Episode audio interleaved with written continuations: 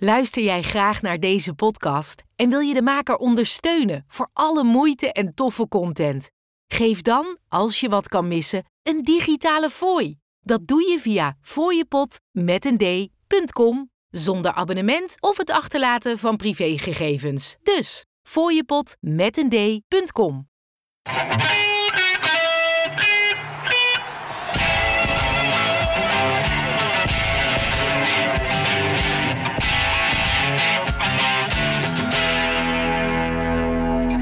Hey, what's up? Wat goed dat je weer luistert naar de podcast Echt Amerikaans.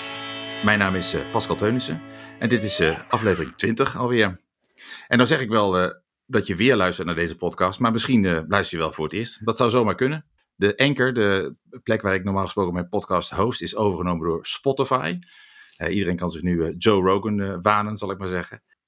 En daarin kan ik zien dat er uh, een aantal mensen uh, erbij gekomen is die mij volgt. Dat vind ik hartstikke leuk natuurlijk. Uh, wil je nou eigenlijk weten waar dit over gaat? Wat ik doe is, ik praat met Nederlanders over Amerikaanse onderwerpen. Dat kunnen personen zijn, plekken, geschiedenis. ja, en zo wil ik eigenlijk samen met jullie Amerika een beetje beter leren kennen. Maar goed, aflevering 20 dus. Dat, dat voelt als een soort feestje. Het is een rond getal. Dus ik heb het idee dat ik daar nog iets mee moet doen. Ik weet niet meteen wat. Uh, ik kan me voorstellen dat, jullie als luisteraars zelf ideeën hebben. Wat is er nou echt Amerikaans? Stuur me dat dan gewoon even op naar podcastechtAmerikaans.gmail.com. En uh, nou, als je een heel leuk onderwerp hebt en ik kies dat uit, dan uh, maak ik daar een mooie aflevering van. En dan gooi ik ook nog even een mooi t-shirt tegenaan. Zoals ik al zei, we gaan het over Amerika hebben met een Nederlandse gast eerst. En uh, ik geef jou gewoon het woord. Misschien is het leuk als je jezelf even voorstelt. Nou, ik ben Joske Meelink. Ik uh, kom uit het mooie Winterswijk, gelegen in het uh, uiterste oostelijke puntje van Nederland. ben 32 jaar, werk voor Omroep Gelderland. Ehm, en ik heb enorm veel liefde voor het fenomeen podcast om te luisteren, maar inmiddels dus ook om um, te maken. En volgens, volgens, mij gaan we het daarover hebben. Daar gaan we het zeker over hebben. We gaan niet alles verklappen. We proberen de spanning op te bouwen. ja, ja, ja, ja. Nee, jij bent uh, voor je podcast naar Amerika gegaan. En um, wat die podcast precies inhoudt, daar gaan we het straks heel uitgebreid over hebben, hoop ik. Uh -huh. ik. Laat ik zeggen, het gaat in ieder geval over Nederlanders die naar Amerika gaan. Ik ben naar Amerika geweest, jij bent naar Amerika geweest ik wil altijd heel graag van mijn gasten eerst weten wat hun ervaringen met Amerika eigenlijk zijn. Was je voordat je voor deze podcast naar Amerika ging, was je er al eens geweest? Nee, en ik uh, dacht eigenlijk niet dat ik er ook nog zou belanden. Ik denk dat het voor heel veel mensen best wel ja, een soort uh, ja, bucketlist dingetje is, al, al haat ik dat woord. Maar ja, je, je, je hoort er op op tv, in films, in series, muziek. Er speelt zich zoveel daar af dat je heel graag eens naar die plek zou willen. Het, uh, in mijn hoofd was het altijd best wel mythische proporties aangenomen. Uh, en ik Wat dacht je dan aan Amerika? Wat dacht je dan ja, als je dat hoorde? Gewoon, gewoon alles eigenlijk wat je kunt verzinnen. Uh, groots, meeslepend, mooi, bijzondere mensen, hele andere cultuur, alles. Alleen ik, ik, had ook wel best wel last van vooroordelen als in... Ehm, dat ik dacht, nou, iedereen echt, echt op elke hoek van de straat zal wel een hamburgertent zijn staan. Uh, iedereen stemt op Trump. Ze hebben vast allemaal een geweer in de broekzak. Ik moet oppassen, weet je wel, dat soort standaard dingen. Uh, super naïef natuurlijk ook. Uh, maar ik, ik landde in Chicago. en van de stad zelf heb ik weinig gezien. Want dat vliegveld, weet je misschien wel, ligt echt best wel van die stad af. Nou, toen moesten we dus nog een, tijdje rijden in de, in de auto. En toen dacht ik, nou oké, nu gaat het komen. Hè? Nu gaat mijn mijn kennismaking met Amerika plaatsvinden.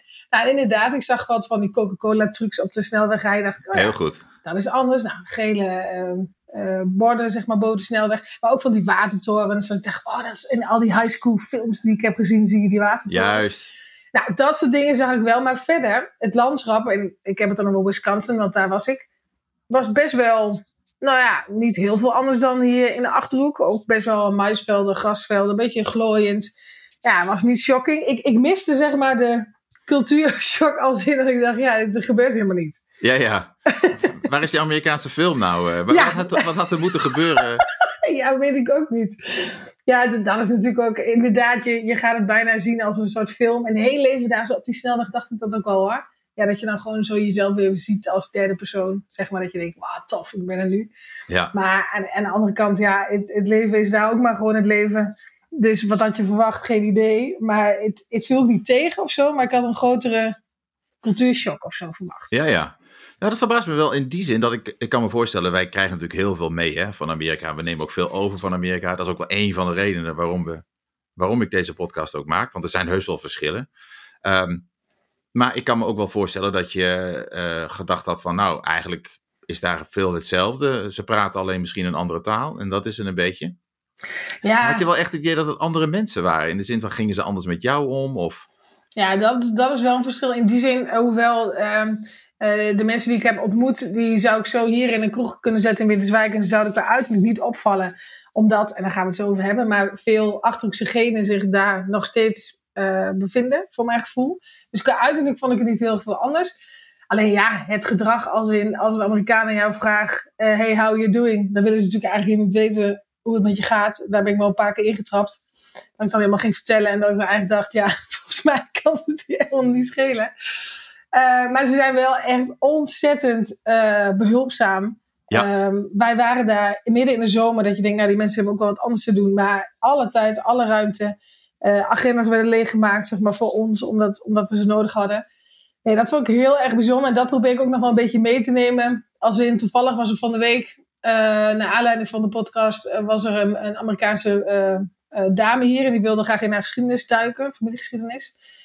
En ja, dat ging, ze had me een bericht gestuurd via Facebook chat. En ik dacht, ja, nou, we zien wel even hoe we dat allemaal gaan doen. En toen in één keer kreeg ik op woensdag een berichtje. Ik ben er over twee uur in Winterswijk. Toen dacht ik, oh, dat kan helemaal niet. Maar toen dacht ik ook, weet je, we gaan gewoon haar helpen. Ik maak mijn agenda leeg. Ik, ik ben er voor haar, want dat hebben ze ook bij mij gedaan. Dus ja, ja, ja dat was wel mooi. Dat was ook, daar moest ik ook weer aan wennen. Ik heb zelf dus 12,5 jaar daar gewoond. En dan uh, is, zit hier uh, ieders agenda heel snel weer vol.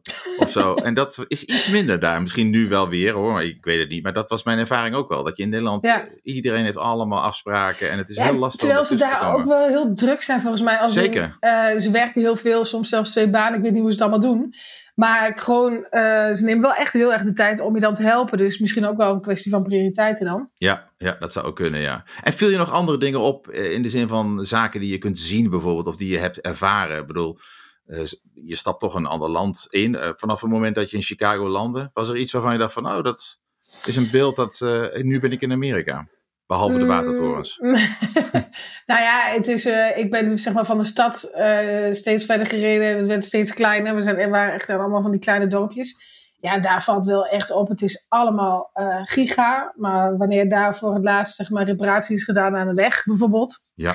Dat je denkt, hè, maar dat kan ook niet anders. Dat, dat land is zo immens groot dat je ook niet elke asfaltweg zeg maar, kunt onderhouden. Maar als ik dan even terugdenk aan hier bijvoorbeeld in Winterswijk, dan zitten we te klagen uh, dat er een klein dingetje niet goed is of zo. Wij zijn zo keurig en hebben alles zo netjes op orde. Weet je wel, de, de, de gemeente brandt die onkruid weg. Nou, daar is gewoon uh, een stoep, is gewoon zo een paar tegeltjes uh, door, het, door het grasland. Ja, dus ja, het is allemaal net even wat makkelijker ja. of zo. Ja, ja, ja. Heb je nog iets leuks gezien of iets waarvan je zegt van nou, dat vond ik ook wel. Jij bent voor je werk daar geweest, hè? Maar mm -hmm. misschien iets wat je aardig vond om te zien. Of zijn er juist zaken die je niet gezien hebt, waarvan je denkt: oh, daar ga ik een volgende keer naar als in, om te kijken. Als in als echt toeristisch. Uh, toeristisch. Oeh ja, nou ja, we hadden gewoon helemaal geen tijd, joh. Nee. Wij, dat was het ding. Het was ontzettend gaaf. Uh, en we Want hoeveel, wel... je bent er maar een paar dagen geweest, geloof ik, hè? Ja, negen dagen in Negen, totaal, ja. waarvan twee volgens mij dan inderdaad reisdagen waren. Uh, dus zeven effectief. Ja, en we hebben gewoon vanaf 8 uur s ochtends tot meestal 19 uur s avonds gewerkt, wat helemaal wow. oké okay was. Uh, want dat, dat waren ook hele leuke dingen. Alleen, ja, ik had bijvoorbeeld wel heel graag iets van Chicago willen zien, behalve Ja. op het vliegveld in de verte wat van die torentjes. Ja, ik, ik kom daar waarschijnlijk, als ik heel eerlijk ben, denk ik ook nooit meer als in, daar is mijn portemonnee niet echt na op dit moment. Ik zou het heel graag willen, zeg ook nooit nooit, want dit had ik ook niet verwacht. Maar ja, dan, dan is het wat dat betreft misschien wel een beetje een gemiste kans dat je denkt, ja, dat had ik willen zien. Of weet je wel, van die uh, classic Amerikaanse dingen zoals een honkbalwedstrijd. Of ja. Uh, ja, gewoon even Ja. net even iets meer van die cultuur dan dat je nu hebt gedaan. Ja. ja, grappig dat je zegt dat je misschien niet meer gaat. Want we gaan het straks hebben over Nederlanders die graag naar Amerika gaan. Om allerlei redenen. Uh, is er voor jou nog een aantrekkingskracht? Want ik kan wel vertellen dat in die podcast kom je erachter dat je ook zelf familie hebt die daarheen is gegaan. Uh, heb je er een soort van itch dat je denkt van ik zou daar best wel nog een keer terug willen gaan? Zeker, ja, maar om, om heel veel redenen die ook, het is vooral gevoel dat ik denk, uh, daar zijn zoveel verschillende dingen te zien. En het, uh, ik denk ook wel dat het komt dus door series en films. Uh, ik zou heel graag als een soort cowgirl, weet ik veel, drie maanden op zo'n boerderij willen werken. Lekker op zo'n paard met zijn hoed, weet je wel. Ja, slaat nergens op. gaat ook niet gebeuren, maar zou ik wel heel leuk vinden. Ja, en, en qua muzikaal gezien, ik ben heel erg fan van John Mayer. En het lijkt me helemaal te gek. Hij is nu aan toeren in Amerika om ook nog eens echt concerten daarbij te oh, wonen. Want dat is ook een hele andere belevenis. Overal staan stoelen. Ze hebben geen staanplaatsen. Bij ons zit je te dringen uh, bij het hek, zeg maar, bij de Ziggo Dome aan de voorkant. Maar dat, dat kennen ze nou helemaal niet. Uh, ja, en gewoon, weet je, die classic reizen die iedereen maakt. Als in dat je gewoon wat van Amerika wil zien. Maar dan zou ik het wel heel graag vinden om dat met de trein te doen. Dus dat, oh, je, ja. Dat je echt het hele land, zeg maar, doorkruist. Ja, ja, en dat zijn prachtige reizen inderdaad. Ik uh, heb er zelf uh, nog nooit een gemaakt. Ik zie wel af en toe van die filmpjes voorbij komen van mensen die uh, van die belangrijke treinroutes van de, boven naar beneden of van de, oost naar west of zo. Precies. Ja, dat is schitterend, schitterend inderdaad. En John Mayer dus, begrijp ik. ja, ja, zeker. Dat is jouw, ja. ja.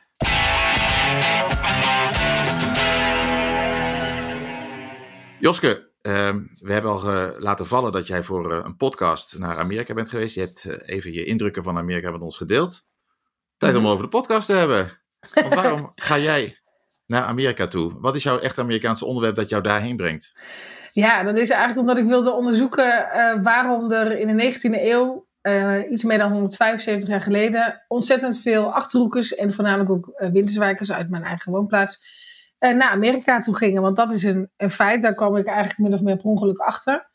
Um, ja, en uiteindelijk heeft dat geresulteerd in, in die reis naar Amerika, maar dat wist ik ook echt van tevoren nog niet. Ja, we hebben de podcast nog niet genoemd.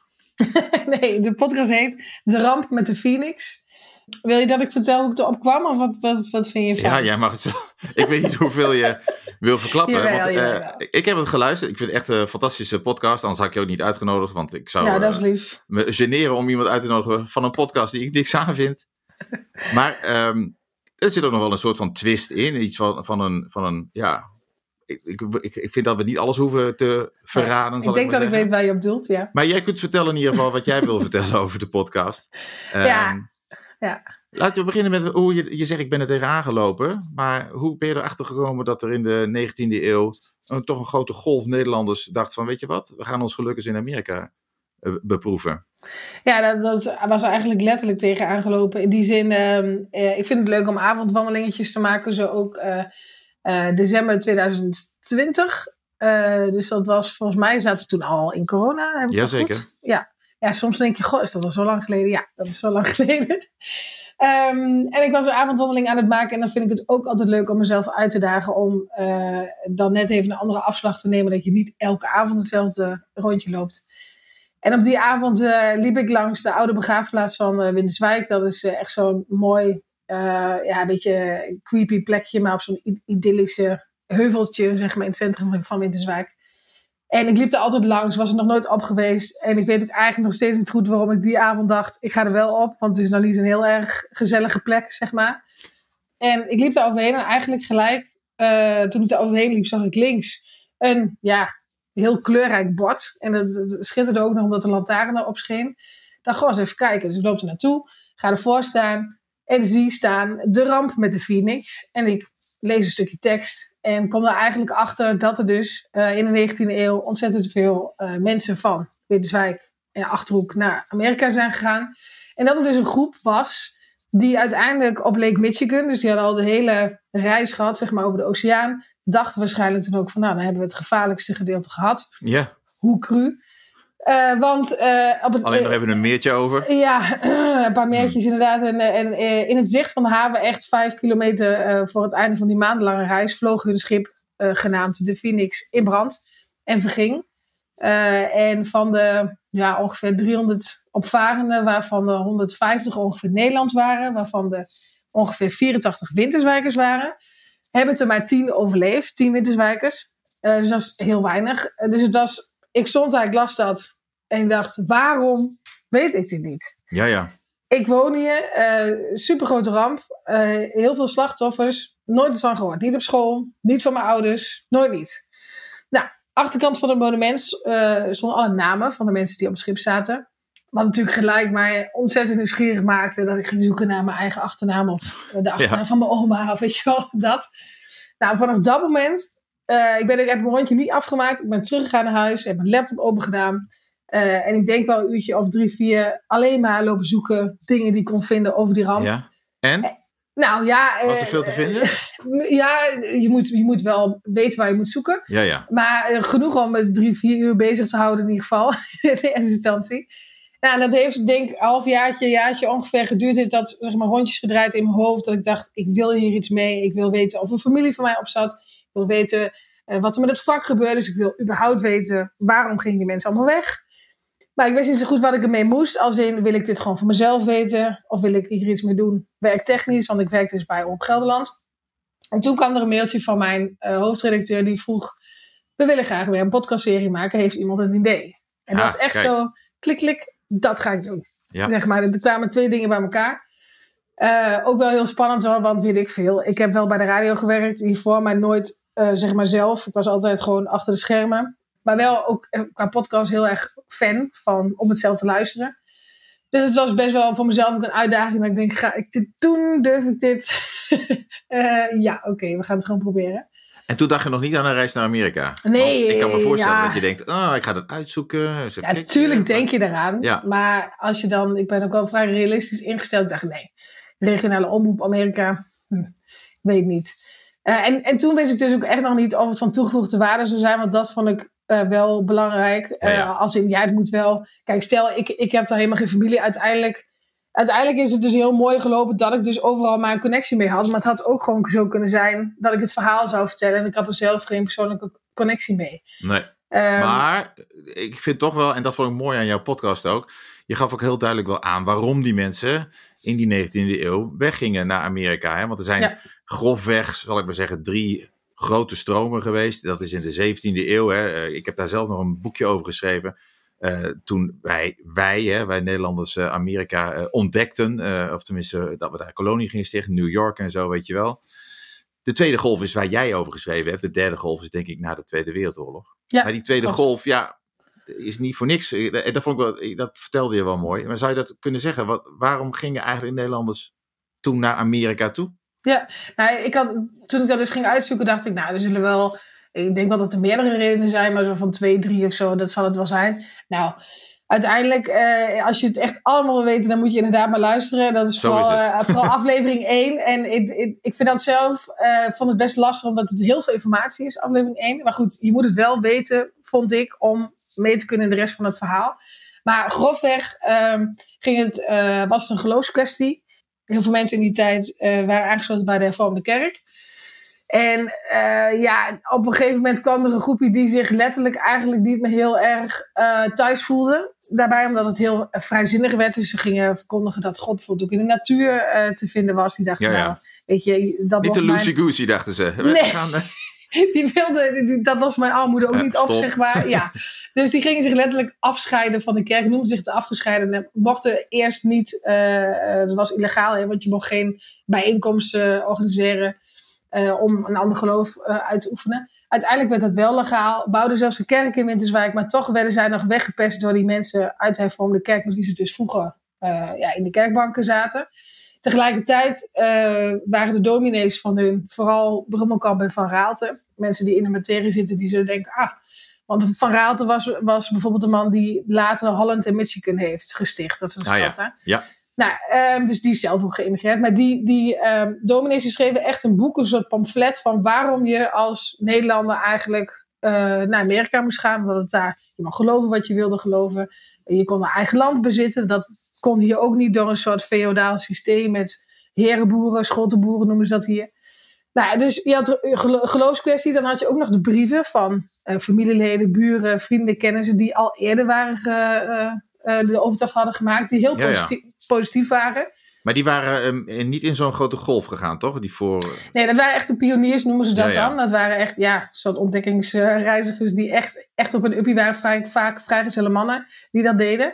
Okay. Uh, in Duitsland was het ook al iets eerder op gang gekomen. En Winterswijk ligt aan de grens. Dus uh, ja, die grens was vrij, was niet, ja, je kende gewoon mensen Precies. in Duitsland, zeg maar. Dus, ja.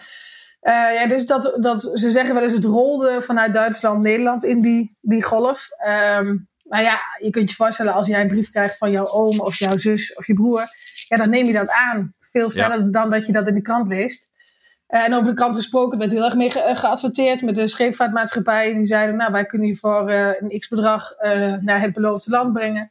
Nou, het was ontzettend slecht qua economische omstandigheden. Er, kwamen misoogsten overheen door aardappelziekte bijvoorbeeld. nou ja, looninflatie, belastingdruk, gedoe. Allemaal gedoe ja, ja. eigenlijk. Het was hier niet meer uit te houden. En het was dus ook echt geen keuze uit luxe. Het was echt dat die mensen voor hun kinderen zeiden op een gegeven moment... ja, wij, wij kunnen hier gewoon echt niet verder. Wij moeten ergens anders naartoe. Uh, en waren dan dus... kozen ze voor het grote onbekende eigenlijk. Ik bedoel, ja, je krijgt wat brieven. Uh. Zeker. Ze hadden, ze hadden geen idee. En in de boeken die ik heb gelezen, daarover staat ook wel eens van... Uh, ze waren bij wijze van spreken nog niet van Winterswijk naar Aalten. Dat is vijf kilometer hier vandaan. Ja. Gefietst. Maar ze gingen wel een ontzettende grote reis naar, naar, naar Amerika. Dat ja. konden ze zich gewoon eigenlijk helemaal niet voorstellen. Ze hadden nog nooit een andere taal gehoord. Dus je, je kunt je niet voorstellen wat die mensen dachten toen ze, toen ze op reis gingen. Ja. Ja. en met hun natuurlijk ook anderen. Ik bedoel, Nederland is het waarschijnlijk niet het enige land wat in die tijd... Uh, Zeker niet. Uh, dus dus dat, dat verklaart natuurlijk ook wel een beetje waarom Amerika natuurlijk zo gemeleerd is nu. maar wat gingen ze daar doen dan? Waren dat allemaal boeren die daar... Nee, maar ik bedoel, lag het werk op ze te wachten? Of was het gewoon van, nou, iedereen krijgt ons een huis en een, een stuk grond? Of ja, wat, nou, wat verwachten zij in Amerika te vinden? Nou, ze, ze, gingen dus voor religieuze vrijheid, maar eigenlijk ook wel heel erg uh, voor het werk en dus eigenlijk ook voor het bezit. Dus het waren vaak boerengezinnen, jonge boerengezinnen. Uh, vrouwen 24, 25 hadden al vijf kinderen. Die zaten dan op zo'n schip. En als ze in Amerika aankwamen, dan konden ze voor relatief weinig geld een stuk eigen land uh, kopen. Want de Amerikaanse overheid was er maar al te blij mee, omdat het allemaal woeste grond was. Dus dat, ja, okay. dat waren allemaal bossen daar in Wisconsin. Uh, en die boeren hadden dat trouwens ook specifiek uitgekozen, omdat die grond uh, vergelijkbaar is met de grond hier. Dus ze konden redelijk op dezelfde manier uh, ja, hun landbouw voortzetten, zeg maar.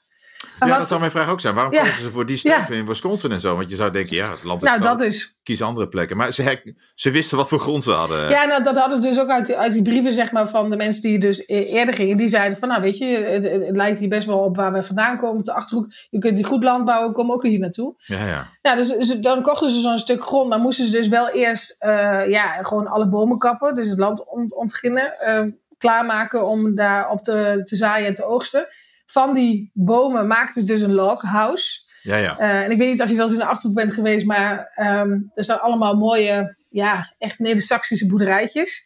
En je zou denken, oh, misschien bouwen ze die dan daar wel na. Niks van dat alles. Want ze moesten het natuurlijk gewoon doen met de materialen die ze hadden. Dus het werden gewoon ordinaire boomhutten. Ja, en hoe werden ze ontvangen dan? Of waren het vooral ook Nederlanders daar die dachten van, hé, we hebben er meer mensen bij? Dat voor een groot gedeelte. En verder um, uh, waren het vooral de Native Americans ook die daar zaten. Oh ja. Er zijn best wel wat conflicten geweest. Alleen in het gebied dat ik verder heb onderzocht, is dat niet heel erg aan de orde geweest. Um, daar heb ik trouwens, dat is wel een puntje van kritiek die ik heb gekregen op mijn podcast van een, een zekere luisteraar. Uh, wat ik heel fijn vond dat diegene met mij deelde, want diegene zei: Ja, je gaat wel heel erg snel zeg maar, over het feit heen dat eigenlijk die Achterhoekers ook land inpikten van die Native Americans. Ja. Uh, misschien zijn zij wel zielig en hebben ze geen, uh, ja, hadden ze geen toekomst. Maar ja, ze doen ook eigenlijk iets bij een andere bevolkingsgroep wat ook niet helemaal netjes Zeker. is. Nou, eens. Alleen daar ging mijn podcast niet over. Dus ik heb het wel aangestipt, zeg maar. En vooral Mhm. in mijn streek, of in de streek waar het over ging, viel dat best wel mee. Uh, en hadden ze daar gewoon goede afspraken over, blijkbaar. Ja, ja. En jij bent toen naar Amerika gegaan met dat verhaal. Uh, is dat omdat je graag. Uh, nee, vertel zelf maar even. Waarom ben je uiteindelijk toch in Amerika beland aan de hand van je podcast? Want je zei dat was niet eens per se een voorwaarde of een uitgangspunt. Nee, nou, dat, dat kwam eigenlijk door twee vragen die ik mezelf stelde. De vraag waarom uh, gingen zoveel mensen weg, kon ik eigenlijk heel goed vanuit Nederland beantwoorden. Uh, daar kon ik gewoon veel sprekers bij vinden. Op een gegeven moment, ja, is er nog wat over van het schip? Ja, ik bedoel, ik kan wel uh, boeken lezen en een beetje googlen of er nog wat ligt. Maar dan wil je toch eigenlijk wel heel graag uh, op zoek. Ja. En een, een ander component was dus inderdaad dat ik ook wilde weten of de familie van mij op het schip zat. En uiteindelijk ja, uitzocht, uitvond met behulp van veel, veel mensen dat ik afstamde van een aantal families die het niet hebben overleefd, maar ook een aantal mensen die het wel hadden overleefd. En via via wist ik ook dat er nog nazaten in leven waren van die mensen. Dus met andere woorden, ik kon daar familie, de zaak is wel echt ontzettend ver weg, uh, spreken. Dus ja, dat, dat waren twee cadeautjes eigenlijk, waarvan ik dacht, ja, ik, ik wil daar toch dan echt wel daar naartoe. Ja, en dan kom je daar en hoe is dan hoe leeft dit verhaal of hoe leeft überhaupt het feit dat Nederlanders naar Amerika gingen? Hoe leeft dat daar dan? Als je aankomt, zegt iedereen: Oh ja, ja, ja, ja, Nederlanders die kennen we wel. Uh. ja, dat, dat is eigenlijk wel heel bijzonder. Uh, ten eerste zijn ze gewoon heel trots op de Nederlandse cultuur. Bijna zo trots uh, dat je denkt: Nou, dan wij, zeg maar. Dus terwijl ze eigenlijk ook geen idee hebben tegelijkertijd wat Nederland is. Want. Um, ja, wat is onze cultuur dan? Ja, nou precies. Frikandel. Ja, nou, nee. nee, dan gaat het nee, vooral... wat, wat, uh... Nou, de, zeg maar echt oud-Hollandse, oh, ja. met het klompendansen en het, hoe, ze, hoe we eruit zien met die oude klederdracht, tulpen. Ja, echt van die klassieke dingen, waarvan ik dan een beetje moe word, zeg maar. Dan denk ik, ja, maar zo zijn we niet per se nu. Nee. maar goed, ze zijn daar wel heel, heel trots op. Um, tegelijkertijd ligt dat hele meer, dus Lake Michigan heb ik dan over, ligt vol met scheepsvakken. Met ieder zijn eigen verhaal. En dat waren dus ook veel, vaak uh, vakken met, uh, met migranten aan boord. Niet alleen Nederlandse, maar ook Ierse, Italiaanse, Engelse, nou, Duitse, noem ze maar op. Dus wat, wat dat betreft leeft het daar wel, maar zijn we ook, is het verhaal van de Phoenix ook een van de vele verhalen. Ja, ja. Maar bij de mensen die ik heb gesproken, die dus daadwerkelijk afstammen van overlevenden van de ramp, daar ligt het nog zo aan de oppervlakte, die emotie. Dat had ik echt totaal niet aanzien komen. Die, die moesten gewoon letterlijk allemaal huilen als, toen ze ons vertelden over het verhaal. Terwijl je toch denkt, ja, het is zo lang geleden. Het is, het is heel veel ellende. Ja. Uh, maar voor hun is het een direct gevolg. Want als hun voor, uh, voor, voor, voorouder niet had overleefd, waren zij er niet geweest. Nee, dat is waar. Dat is waar. En is het ook zo, want uh, wat mij opviel toen ik daar woonde, was dat mensen het wel belangrijk vinden om te zeggen wat hun oorsprong is. Hè? Dus ik, uh, I'm Irish American of uh, nou, natuurlijk ook African American. Dat is ook heel belangrijk natuurlijk. voor andere redenen. Maar ik kan me voorstellen dat Dutch American ook ja. een, iets is waarvan mensen zeggen, well, daar, daar dat, dat is mijn identiteit. Merkte je dat ook? Dat mensen zich als zodanig presenteren van Dutch ja, Roots? Zeker, maar als je dan uh, iets, uh, ja, iets verder vroeg, dan uh, ze waren dus heel trots. Dat, want dan vroeg ik wel eens van, ik ben benieuwd, heb je Nederlandse roots? Ja, I'm, I'm Dutch American. Ja, ben je dan trots op? Ja, ik ben heel trots. Maar als je dan vraagt van, goh, wat weet je over Nederland? Of, of hoe heette jouw voorouder die? En wat was het jaar wat, dat die kwam? Ja, dan moet ik even mijn moeder vragen. Of weet je wel, ja, dan hebben ze eigenlijk geen idee. Ja, ja. Uh, en, en, als je dan vraagt van, goh, waar wonen ze dan bijvoorbeeld? zeggen ze, ja, een uur rijden van Amsterdam. Dan denk ik, ja, dat is heel Nederland. ja, dat is, uh, maar dat zit je altijd goed, hebben ze gewoon uh, geleerd. Als ze je vragen, uur rijden van Amsterdam. Ja. Dan heb je bijna alles te pakken. Ja, dus ik moest er ook wel tegelijkertijd heel erg om lachen. Maar ik vond het wel, ja, het deed me wel goed dat ze daar zo trots zijn op ons land. Dat zouden wij eigenlijk ook wel meer mogen uitdragen. Ja, ja. En, en, zijn er ook veel dan die, uh, niet per se naar Witteswijk, maar gewoon alleszins naar Nederland komen om, om daar ja, iets van mee te krijgen of, of uit te zoeken? Ja, nou, ik, um, uh, tijdens de opnames van de podcast heb ik Mary Receal ontmoet. En dat is ja, een historicus, maar vooral stamoponderzoekster. En die heeft mij heel erg geholpen met mijn stamomonderzoek. Maar die ging in dezelfde periode, kwam zij met een groep Amerikanen naar Winterswijk. Maar ook, dat was onderdeel van een soort Nederland-trip. En dat werd ook op een typische manier aangepakt als in... Oké, we slapen in Zwolle en we gaan smiddags even naar Winterswijk en, en s'avonds even naar Eindhoven. Bij wijze van ja. spreken, dat je denkt, je, wat een dag, weet je wel. Nou, dus ze waren hier ook een dag. En toen ben ik dus naar... Uh, ze kwamen naar het monument. Ik ben daar ook naartoe gegaan. En inderdaad, de bus stroomde leeg met allemaal uh, Amerikanen met korte broekjes, met witte sokken, met cowboyhoedjes op. Nou, die allemaal netjes stonden te luisteren naar Mary, die vertelde over de ramp met de Phoenix. En Ze zijn allemaal super geïnteresseerd. Ja, ja. Maar ook wel, het blijft ook wel een beetje aan de oppervlakte of zo. Ja, en, en nog wel een mooi voorbeeld van, eh, van de week. eh, wat ik dus eh, al eerder zei, was dus een vrouw uit Amerika die meer wilde weten over haar eh, familiegeschiedenis. En daar heb ik gewoon de hele middag mee rondgereden. Ik heb alle huizen aangewezen waar haar voorouder had gewoond. Dat heb ik voor haar uitgezocht. Ja, heel leuk. En die vroegde ze mij, hoe ver is Duitsland rijden? Ik zei, nou, drie minuutjes met de auto. Oh, can you take us to Germany? Jawel. Ik dacht echt, wat wil je dat doen dan? Want ja, ik kan wel een rondje rijden. Ja, Maar die vond het gewoon geweldig, omdat zij in haar land gewoon nooit zo ongeveer, behalve Canada, dan naar een ander land kan gaan. Omdat ze gewoon alleen maar die, die eh, staten hebben. Ze, vond, ze wilden gewoon heel graag naar een ander land. Ja. Nou, dus ik ben met liefde even een rondje door naar Duitsland gereden. En toen met terug was het gewoon heel grappig, ja. Ik kan me dat wel voorstellen, even eh, los van hier, maar eh, ik, ik heb dus twee kinderen eh, daar gekregen, die hebben we ook meegenomen. Eh, ze waren negen en zes toen ze hier waren. Maar da- wij dachten ook meteen toen we hier kwamen, we laten ze Europa zien. Want je kunt daar dagen rijden en dan verandert er niks. Je betaalt nog steeds Ja. met een dollar. Je is nog steeds, er wordt Engels gesproken. De 7-Eleven is overal, weet je wel. Maar hier, een andere taal. De wegen zien er anders uit. Nou ja, ik hoef je natuurlijk niet te vertellen wat de verschillen zijn. Maar dat Mhm. is wel nee, een is- bijzondere ervaring eigenlijk. Daar- Daar sta- staan we niet bij stil, omdat wij gewoon vakantie gaan naar Frankrijk, Griekenland, Turkije en dan komen we weer terug. En iedereen doet dat. Nee, maar dat, dat is inderdaad wel leuk om er dan door iemand anders eigenlijk op gewezen te worden. Eh, ja, gewoon mooi. En, dan, en, en ik reed de terugweg. Ik bracht hem terug naar een eigen auto. En toen zag ze een molen. Ja, die zie ik elke dag. En zei ze, oh, windmill, can we stop? Ja, oké. dus ik heb er nog de, de molen laten zien. Ja, het was gewoon... Ja, gewoon je, eigen land, je eigen omgeving door de ogen van iemand anders zien. Blijft heel leuk. Ja, ja, ja. Heel goed, we gaan even naar het eh, derde eh, deel en dan eh, gaan we even verder praten over jouw ervaringen met Amerika en wat je daar ook eh, opgestoken hebt.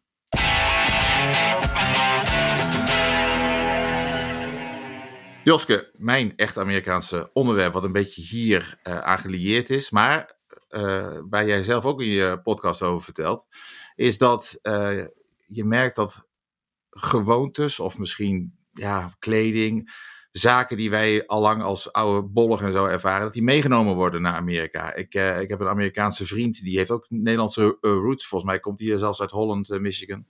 Daar hebben ze volgens mij zo'n tulpenfestival. En dan, ja, willen ze alleen maar tulpen zien. Hebben wij in Nederland natuurlijk ook, zijn ook veel bezoekers van. Maar daar worden geklompen danst en kaas gemaakt en weet ik veel wat. Ehm, ik vond het wel grappig dat jij daar ook over vertelde. Want jij hebt ook nog een bijzonder Nederlands feest daar meegemaakt. Kun je even vertellen hoe je dat hebt ervaren en hoe zij dat daar ervaren? Ja, nou, dat was in, eigenlijk min of meer toevallig in die week dat we er waren, eh, was er in het dorpje Cedar Grove, dat ligt dan eh, nabij Sheboygan, waar dus de, de hele ramp eh, toen heeft plaatsgevonden. Was het festival, was het Holland Festival, zo noemden ze dat dan, 75ste editie volgens mij. Kijk, Ehm, en ik had al wel van tevoren een beetje gezien wat ze daar deden. En op hun website stond dan eh, street scrubbing. Street scrubbing, wat- gaan ze dan doen, weet je wel? dat doen we al lang niet meer, dacht jij. Nee, maar ik moest ook helemaal Ja, ja. nadenken van waar Wat komt dat dan vandaan, weet je wel? Toen uiteindelijk begreep ik er dus van dat dat kwam van het eh, straatje schoonvegen of straatje schrobben, wat de, de huisvrouw dan vroeger deed, dat iedereen zijn stoepje moest boenen. Oh, Dat het eigenlijk daar vandaan komt. Sowieso, wij Nederlanders hebben best wel een heel eh, schoonmaakachtig imago daar. Dat wij heel erg zijn van, het, van dat alles clean moet zijn. En het komt ook doordat er een, fabrikant was van het merk Old Dutch, geloof ik, die een soort zeep in poedervorm daar uitbracht met een soort Zeeuws meisje als logootje, die dan ook in klederdracht eh, was. ja, ja, ja. Dus uiteindelijk hebben zij ervan gemaakt, we gaan, eh, want het festival is georganiseerd in eerste instantie door landverhuizers vanuit eh, nou, alle windstreken van Nederland. Die dus eigenlijk een stukje, ja, een soort stukje Nederland in een, in een tijdscapsule wilden stoppen. En dat elk jaar weer even zo nostalgisch aan opwarmen, zeg maar. Ja, Ehm, en, ze hebben en op dat festival doen ze van allerlei verschillende dingen. Ze hebben een modeshow met eh, verschillende soorten klederdracht van elke provincie. Dus ik heb er ook nog wat van opgestoken. dat ik dacht, goh, ik weet niet eens dat iemand uit Brabant er vroeger zo uitzag en iemand uit Friesland zo. Geen idee. Ik zag allemaal vlaggen hangen op een, op een soort eh, muziekkoepeltje. Ik dacht, oh, zijn dat allemaal internationale vlaggen? En later kwam ik erachter dat het alle vlaggen waren van onze provincies. Wist ik ook niet. Ja, dat bedoel ik dus met, zeg maar, dat zij trotser zijn op Nederland dan wij. ja, Eh, maar dat hele street scrubbing was dus, dat, daar begon het festival mee. Wij kwamen aanlopen en ik zag allemaal kinderen met bezempjes opklompen en emmertjes water. en het, het, emmertjes water. Ja, Sorry. nou. En het, aanstekelijk, hè? En um, het festival werd geopend door de Town Crier. Dat was dan, uh, ja, hoe noemden wij dat vroeger? Dus een soort stadsomroeper. Nou, ja. precies. Met zo'n mooie uh, hoed op, zo'n steek. En uh, die riep um, dat de burgemeester, die liep naast hem. Dus een soort half Nederlands-Duits variant dat hij uh, de straten te vies vond om, uh, om te gaan klompen dansen zo meteen. Dus dat hij oh. eerst schoongemaakt moest worden. Maar ja, dit is dus zo'n riedeltje wat ze elk jaar doen. Ging hij met de bel. Nou, en toen mochten alle kinderen, uh, die kwamen op de straten. De ouders daarnaast met klapstoeltjes lekker kijken naar hun kleinkind of hun kind die een soort ja, act aan het opvoeren is. En dan gaan ze dus uh, daadwerkelijk uh, met emmertjes zeg maar, het water op de straten doen, met zeep strooien en daadwerkelijk boenen. En dat uh, onder begeleiding van accordeonmuziek met de oud-Hollandse deuntjes. En dat duurt denk ik een kwartiertje. Dan gaat die man weer met zijn bel en dan zegt hij... De burgemeester declared the streets are clean for klompendancing. Hey, hey. Nou, en dan gaan ze klompen dansen. Fantastisch. ja, het is echt fantastisch. Schitterend. Ja, mooi is dat. Ja, wij zijn zelf een keer in Pella beland. Dat eh, plekje, plekje ken waarschijnlijk ook wel. In Iowa, toch? Kennen we niet, ja, dat kennen we niet. Uh, dus we kwamen in het hotel en dachten, hé, hey, uh, staat daar nou een Delfts blauw molentje op de, de balie van het hotel? Nou ja, toen waren we nog niet in het dorp zelf geweest, maar dat is dus ook helemaal met kanalen en zo. Voor mij doen ze daar zelfs blauw poeder in het water, zodat het allemaal nog veel blauwer lijkt. Dat ook dachten, oh mijn hemel. Maar ik heb er wel, ik heb er wel een, uh, een sportshirt nog meegenomen, want de uh, lokale uh, volleybalvereniging heet ook iets met Dutch volleybal of zo. Leuk. Dus dat pik je dan even in. Het doet mij eraan denken van, wat vind jij daar zelf dan van als je daar zo bent als Nederlander? En je zit dan een beetje in, ja, misschien in zo'n tijdsabsule, maar goed, er zijn wel Nederlanders, daar, die iets doen met Nederland, het land waar jij vandaan komt, doet jou dat iets? Ja, ik, ik, ik vond het dus gewoon heel tof om te zien dat zij zo serieus, zo liefdevol bezig waren om uh, ja, iets uh, van Nederland zeg maar, nog bij zich te houden, terwijl dat iets al lang eigenlijk niet meer bestaat. En ik dus ook wel, wel me geneerde eigenlijk, want ik, ik zag er gewoon, ik had gewoon mijn normale kleren aan. Maar ik uh, uh, wilde mensen natuurlijk wel eens dingen vragen of wat ze van vonden, wat, wat, wat ik eigenlijk aan het zien was. En ik, ik stelde me dus voor als, als in, ik kom uit Nederland. En ik dacht bijna, goh, misschien denken ze wel, waarom heeft die meid geen uh, klederdracht aan? Die mensen die dragen dat daar toch. maar, dus ik heb ook serieus echt mensen die dachten dat we dat dus nog steeds dragen in Nederland. Maar ook wel mensen die zeggen, wij weten wel dat jullie dat al lang niet meer doen. Oh, okay. maar wij vinden het gewoon mooi om dat te eren, om onze voorouders te eren. Maar ze eten ook oliebollen. Ze maken daar zelf oh, ja? oliebollen die, ja, echt hilarisch. mix. Nee, dat is niet. Want het, het smaakt totaal niet naar oliebollen. Oh. Dat was het grappige. Uh, het waren een soort donuts-achtige cakejes. Ja, dat zijn dan recepten vanuit de kerk. Want het is allemaal vrij gelovig daar nog steeds. Ja. Uh, dat was natuurlijk de reden waarom die mensen ooit vertrokken. Ja. Uh, en dat zijn dan eeuwenoude recepten vanuit toen. Dus waarschijnlijk heeft heel lang geleden iemand dat dus wel ooit opgeschreven hoe ze dat uh, hebben gedaan. Maar is dat een beetje voor Amerikaans. En ja, eten ze dus nu donuts in plaats van oliebollen. Maar wel heel leuk. Ja, en worstenbroodjes hadden ze trouwens ook. Oh ja, pigs in a blanket. Ja. ja. ja, toch? Zo heet ja, dat, toch? Zeker, ja, Ja, ja, ja. Nee, maar ik bedoel, heb je daar in, in die zin wat van geleerd? Want ik kan me voorstellen, wij zeggen natuurlijk ook altijd, ja, het is raar dat mensen hier in. Nederland bijvoorbeeld vasthouden aan hun gebruiken. Dat zeg je heel mooi, je ja. ziet dat het eh, in Amerika natuurlijk hetzelfde gebeurt met Nederlandse enclaves. Nou ja, de- wat dat betreft, eh, ik behoorde nooit tot de school die dat, nou heel, die dat nu heel erg vindt als mensen hier in Nederland wonen en aan hun eigen gebruik eh, vasthouden. Ik vind dat prima. Maar ja, je, je hebt niet altijd dat je het helemaal snapt. Dat je denkt, ja, maar je woont nu ook hier. Maar aan de andere kant, als je dus zeg maar nu ervaart als Nederlander en je bent daar en je ziet dus dat ze jouw cultuur in een ander land vast proberen te houden, vind ik dat helemaal 100% gaaf. Dus dat is eigenlijk super hypocriet natuurlijk. Dus ehm, ik ben daar zelf wel echt op teruggekomen en ik hoop eigenlijk, eh, ik ben niet iemand die eh, in de podcast echt met een soort zweeft overheen gaat en zegt van ik wil dat jij na het luisteren dit ook vindt. Totaal niet, maar ik hoop wel dat mensen als ze het horen, dat ze denken, goh, nou, ik zou misschien ook wel best wel iets meer open kunnen staan voor eh, mensen die hier in Nederland wonen, die ook dingen met hun eigen cultuur blijven doen. Dat is toch hartstikke mooi als dat ook kan. Betekent Ja. niet dat ze zich niet willen aanpassen, maar betekent gewoon dat ze ja, een soort heimwee, dat ze iets vast willen houden van een land waarvan ze houden. Ja, want wij mooi. doen dat dus ook als we Ja. naar het buitenland gaan. Voelde je jezelf ook een beetje ambassadeur van Nederland als je daar was? Of?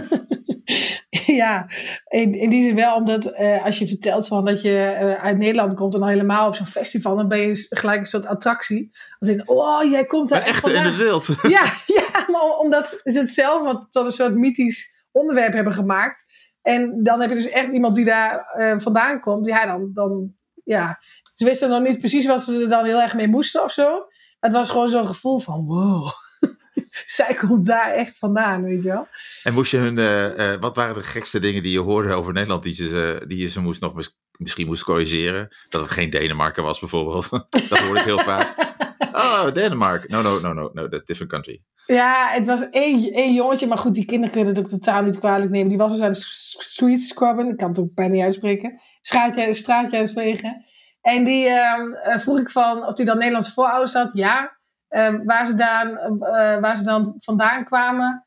Eh, ja, eh, iets van Amsterdam of zo. En toen zei ik, ja, maar dat is Nederland. Hè, maar Amsterdam is toch het land? Of zo. Hij, hij had Oh, gewoon ja. echt totaal geen idee hoe, Ja. hoe of wat. Maar, maar verder, ja, heel veel meer dan die ja, basale dingen als ja, onze exportproducten, kaas, tulpen, stroopwafels, komt het ook eigenlijk Ja. niet. Nee. Dus ja, maar daar gaat het volgens mij dan ook niet om. Nee. Tenminste, ik heb het idee dat het meer een soort van bij elkaar horen is dan dat het echt belangrijk is of je nou weet eh, wat de soorten kaas Ja, zijn die wij in Nederland maken. En het echte, en, en ja, ook, het is heel erg het, het, het land eren, maar ook vooral hun voorouders. Want zij, zijn, zij beseffen zich heel goed, als zij niet hier naartoe waren gekomen, waren wij niet geweest. Nee. Dus dat is gewoon heel veel dankbaarheid eh, ja, naar hun voorouders en naar God. Want dat was wel echt eh, aan de hand hoor daar. Ja, ja, dat was natuurlijk ook waar ze aan vast.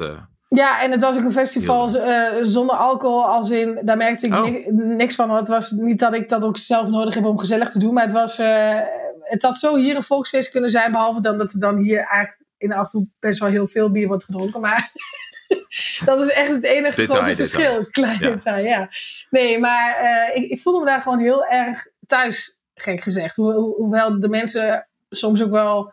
Ze zijn gewoon wat expressiever en wat ja, meer overdreven dan de schuchtere achterhoeken hier. ja. Maar verder, ja, nee. Ik, het was gewoon heel fijn. ja. Ben je zelf dan nog anders gaan denken over Amerika? Is jouw band veranderd met, die, met dat land? Ja, heel erg. Ik wil terug, ik wil terug, ik wil terug, ik wil terug.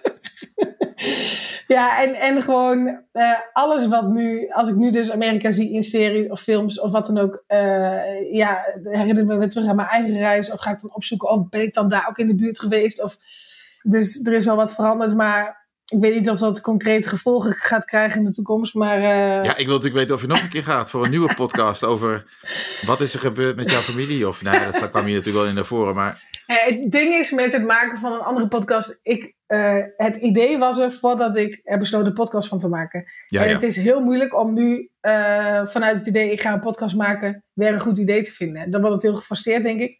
En ik heb zo ongelooflijk veel geluk gehad met alle puzzelstukjes die op zijn plek vielen. En dat hoor je lekker als je gaat luisteren. Maar dat, dat, dat ik. ehm, ik wil niet opscheppen over hoe goed het is, want dat moet je dus lekker zelf weten of je dat vindt. Alleen, het kan niet. eh, ik kan niet nog een verhaal maken waarbij de puzzelstukjes zo op, eh, ja, in elkaar vallen. Dat bestaat niet.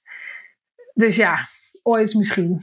Maar Dan zou het op je weg moeten komen. Dat moet een precies. soort van organisch gaan en niet eh, op zoek gaan naar. eh, Ik probeer jou gewoon eh, een, reden te geven om weer naar Ja, Amerika fijn, te hoor. gaan. En dat je gewoon zes.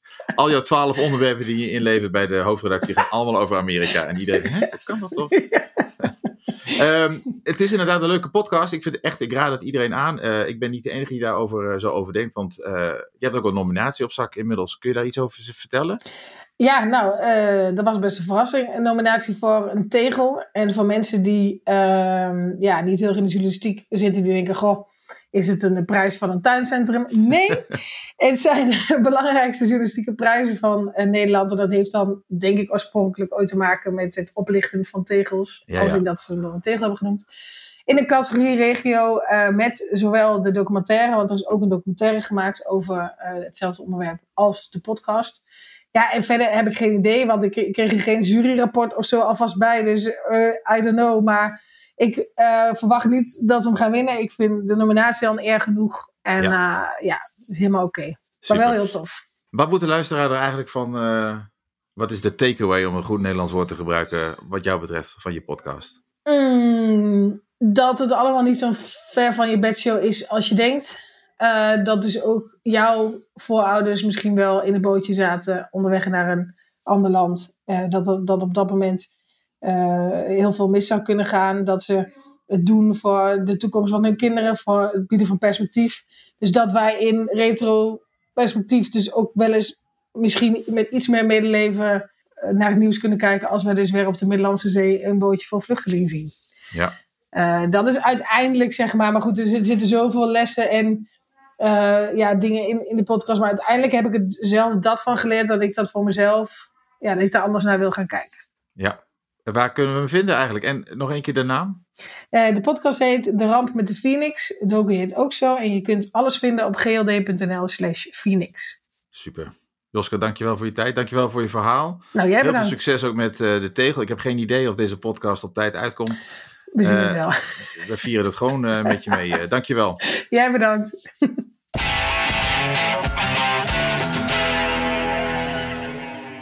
Het is alweer tijd voor het laatste deel. Mijn gesprek met een Amerikaan over het onderwerp van deze podcast. Nou, we hebben zojuist uh, Joske Meerdink horen vertellen over haar podcast De Ramp met de Phoenix.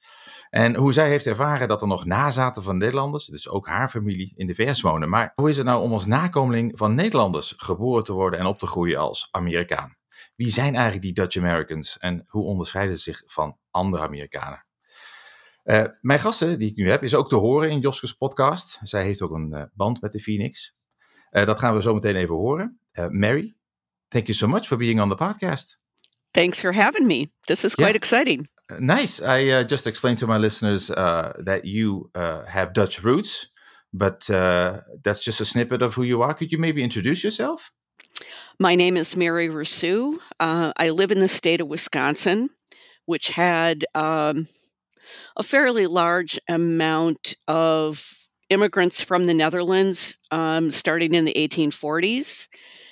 Uh, I'm a professional genealogist, uh, a civilian historian. Uh, I lecture uh, about Dutch immigration and other genealogical topics, and I'm an artist. Nice. What kind of artist? Uh, textiles.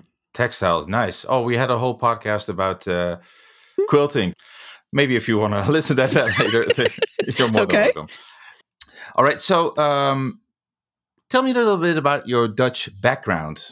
Um, well, for me, it's my great grandparents who immigrated in the late 1840s, early 18 uh, early 1850s. Um, from the province of Zeeland and the Achterhoek in Gelderland.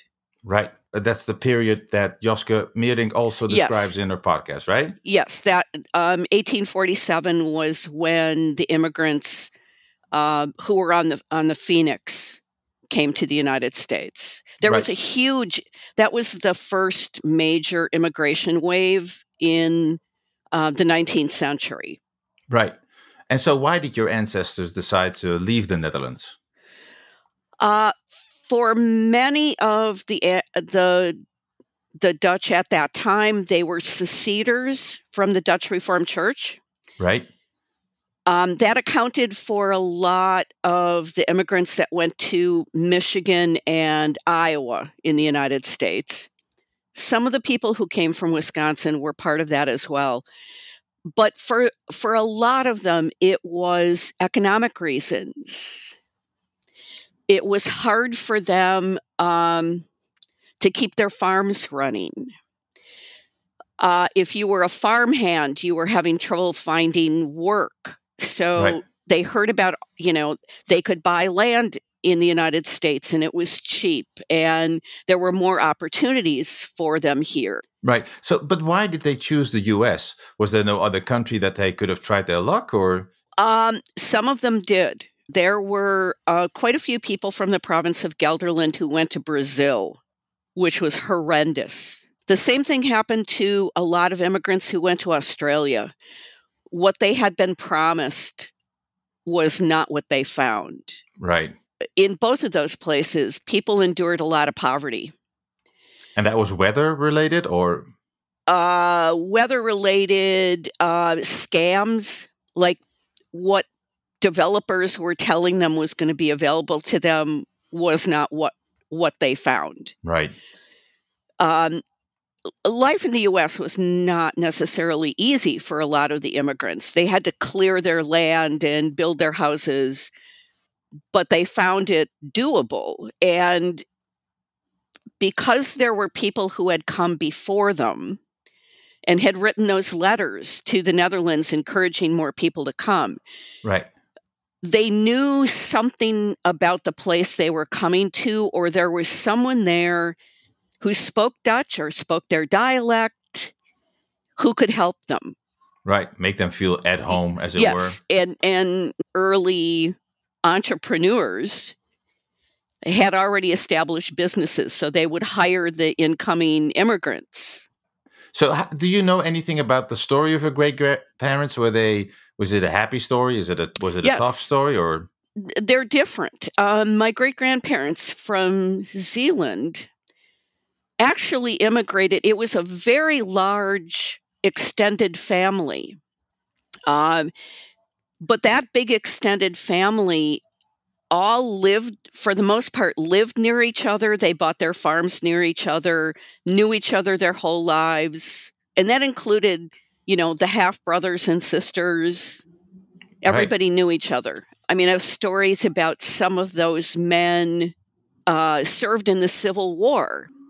Um, my ancestors from the Achterhoek, one family left because all of their farm hands were leaving to go to the US and they had no one to run their farm, including their son. So they sold their pew in the church and sold their farm and came with everybody else. In that particular area of the Achterhoek, there were over 4,000 people who immigrated. I mean, the same thing is true in areas of Zealand. There was mass immigration. It's amazing that those villages flourished after immigration because so many people left. right? I'm guessing they took with them Dutch culture. Uh, did that uh, permeate uh, through the family? And did you, growing up, notice anything from that? I can't say that that was a huge part of my growing up. My parents were born in a very Dutch, small Dutch community. And what I've learned over the years is some pieces of Dutch culture were still practiced by families, like Sinterklaas. Right.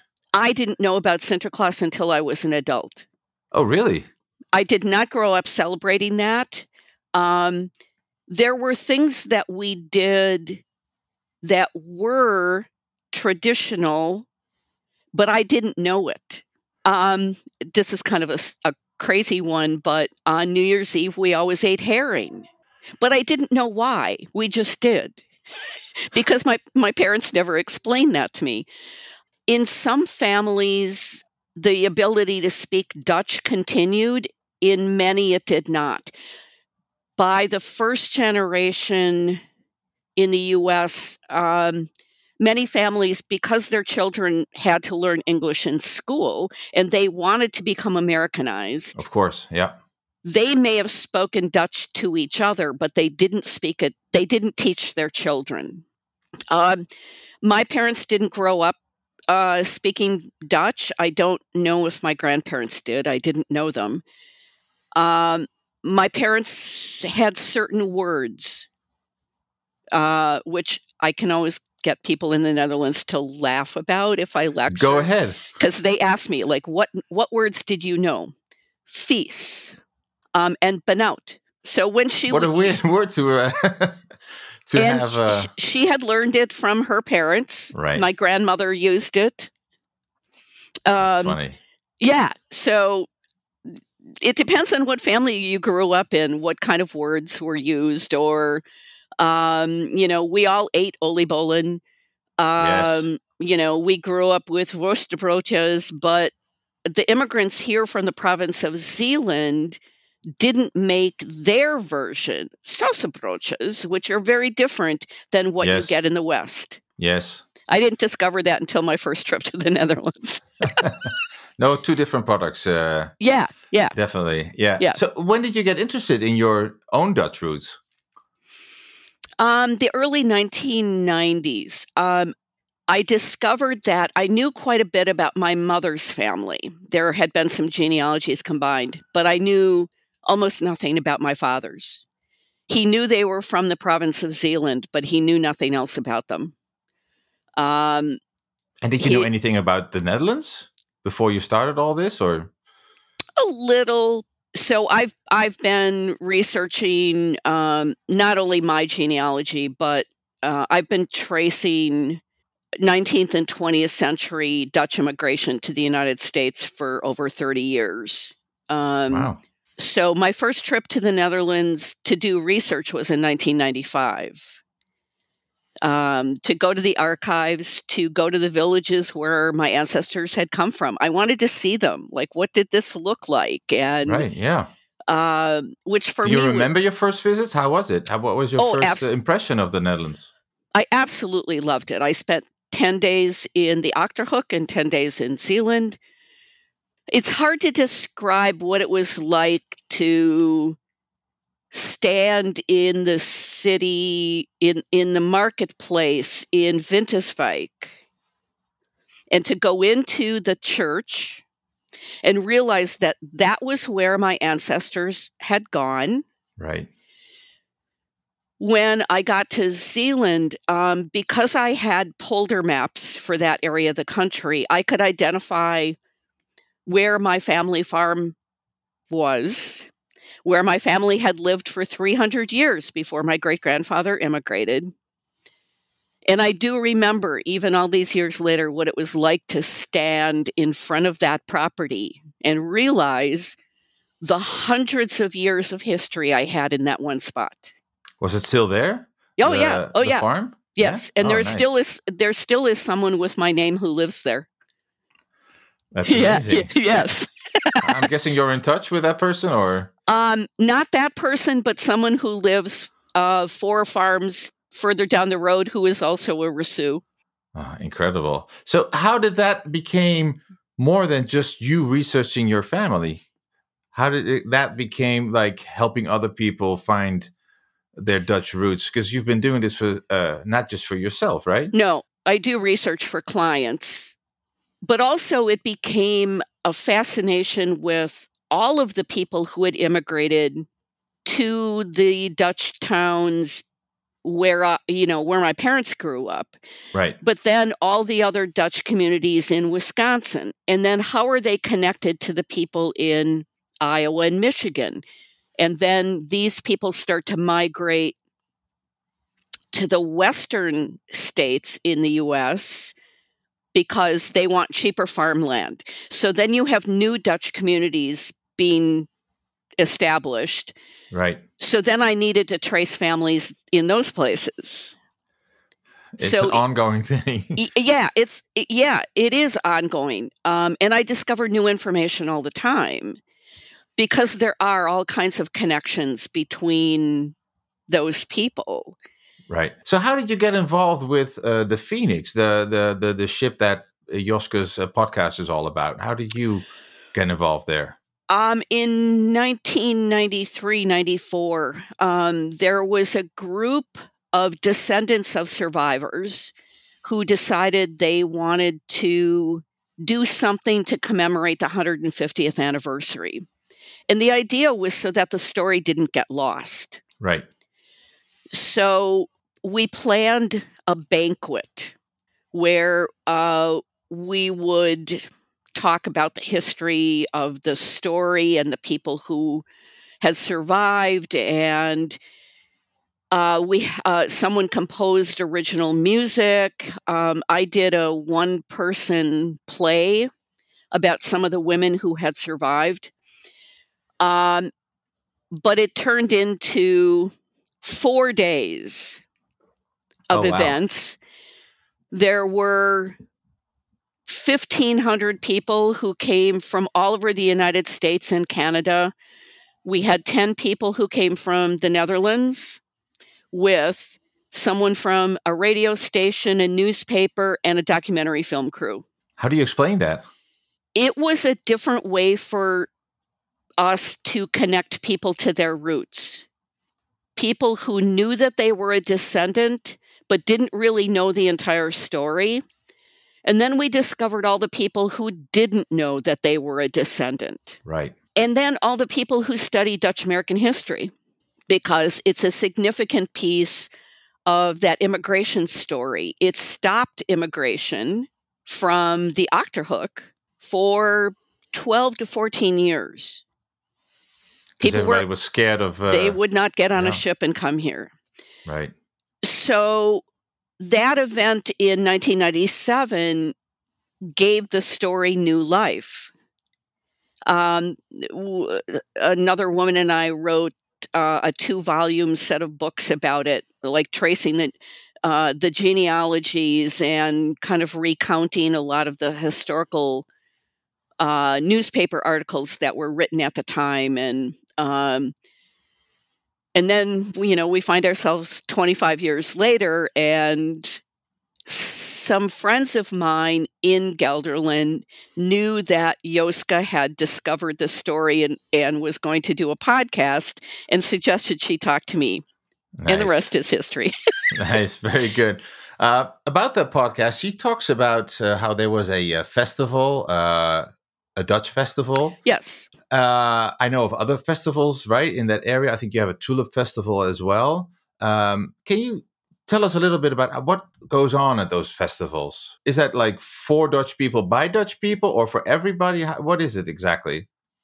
It's for everyone, put on largely by Dutch people. There are Holland festivals or tulip festivals multiple places. Uh, the one in Cedar Grove, Wisconsin is called the Holland Festival. It's always late in July. It's changed over the years. In the earlier years, there were things like a Queen's contest. Right. And the girls who would compete in it had to dress in the costume of their of the province of their ancestors which was wow. really quite lovely because it required them to actually do research about that exactly. and, and, do something um, that was historically accurate. Unfortunately, they don't do that anymore. Um, we do, we scrub the streets before the parade. Yes. You know, which you know is done at all of the tulip festivals, and people from the Netherlands want to know why we do that. Um, and you know you have kids who uh, dress in sort of Dutch costumes and wear wooden shoes and dance. And how do Americans respond to that? What's our, you know, what's the image of the Dutch in uh, in America? I, I I think for people who have Dutch ancestry, they greatly enjoy going to these festivals. It's like right. um, a lot of times family plan reunions for those days of those festivals. So they come that back to the place where, you know, their family originated and get together with their cousins and and for people who are not Dutch, it's part of like a circuit of ethnic festivals because we have so right. many of them in the United States. You can go to, you know, German festival and Irish fest and, you know, Right, but I'm guessing you're telling them that we do uh, more now, right? Than walk on wooden shoes. yeah, yeah, yeah. We try to, and and we always have. We have Wi-Fi. I promise. I know. Well, and it's also trying. Uh, I've been working um for 30 years trying to dispel the idea that um, the Netherlands is only Amsterdam. Right, right, right. Yeah. And then well, a lot of people visit the U.S. and only visit New York. So I mean, yeah, yeah. Um, yeah. But I I really try to encourage people who are going to go other places. You really right. need to get a better idea of what the country is like and what the people are like and you know the small towns as well as the big cities because it's very different yeah that's true so you you uh, have been to the netherlands uh, more than once i guess right Yeah, I'm I'm guessing 10 or 12 times now. What do you tell Americans about the Netherlands? Apart from that they have to visit more than Amsterdam. What is the what is the story you would like to tell about the Netherlands? When I'm talking to people who have Dutch ancestry, and maybe the story is the same for non Dutch Americans as well as those who have Dutch ancestry. Really, that you need to explore the country more. For me, there are huge variations in landscape. Friesland is very different than Zeeland and Limburg. There are differences in how the people look because Americans assume that everyone is six feet tall and blonde. I mean, it's kind of true in the Achterhoek. But then I went to Zeeland and we're all short and dark because we all have that Belgian French a- ancestry behind us. Right. Um, and I walked down the street and nobody assumed that I was a tourist. And I looked like them. I really, I looked like those people. And it was sort of, You, oh, f- you fit like in with the other reserves. Uh, yeah. And it was like, Yeah. great. Okay. I, you know, I'm home here. Um, there are, you know, there are some food variations and, you know, and then it's go, go explore the Indonesian culture that's part of the Netherlands that you Yep. don't know about. Just like to expand people's cultural understanding of what the Netherlands is like. I appreciate that.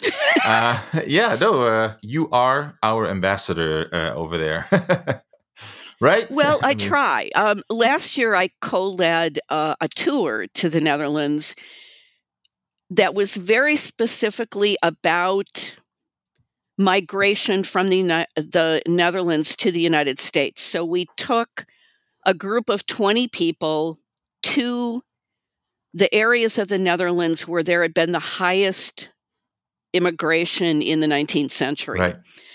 and we had experts in all of those places uh, give us lectures and give us tours and we went on the back uh, dike roads and into little villages like the places Nice. where the the tourist tours don't take you so that you know they could meet people in those places and really see what it lo- what it looks like Yeah, that's awesome. I love to see people uh, getting to know uh, the Netherlands a little bit better. That's uh, that's great. Mary, thank you so much for uh, telling us a little bit about uh, what it's like to have uh, Dutch roots, how that uh, I don't know affects your life, or at least your interest in in the Netherlands as well. Is there any place on the internet where people can find you if they want to be know more about you or the work you do? Um, I don't have a website, unfortunately, but if people Google my name, um, it will. You will find me. Uh, uh, the lectures that I do around the United States. I'm also on, social media, so Facebook and Twitter. All right, perfect. Mary, thanks so much. Thank you for having me. Yes, en de luisteraars, jullie uiteraard ook weer bedankt. En ook Marco Raaphorst weer bedankt voor de geluidsbewerking. En Jeroen Venema voor het maken van het geweldige nummer bij deze podcast. Volgende keer gaan we het weer over iets volledig anders hebben. Dus het enige wat ik nog kan zeggen is, keep listening. Dag.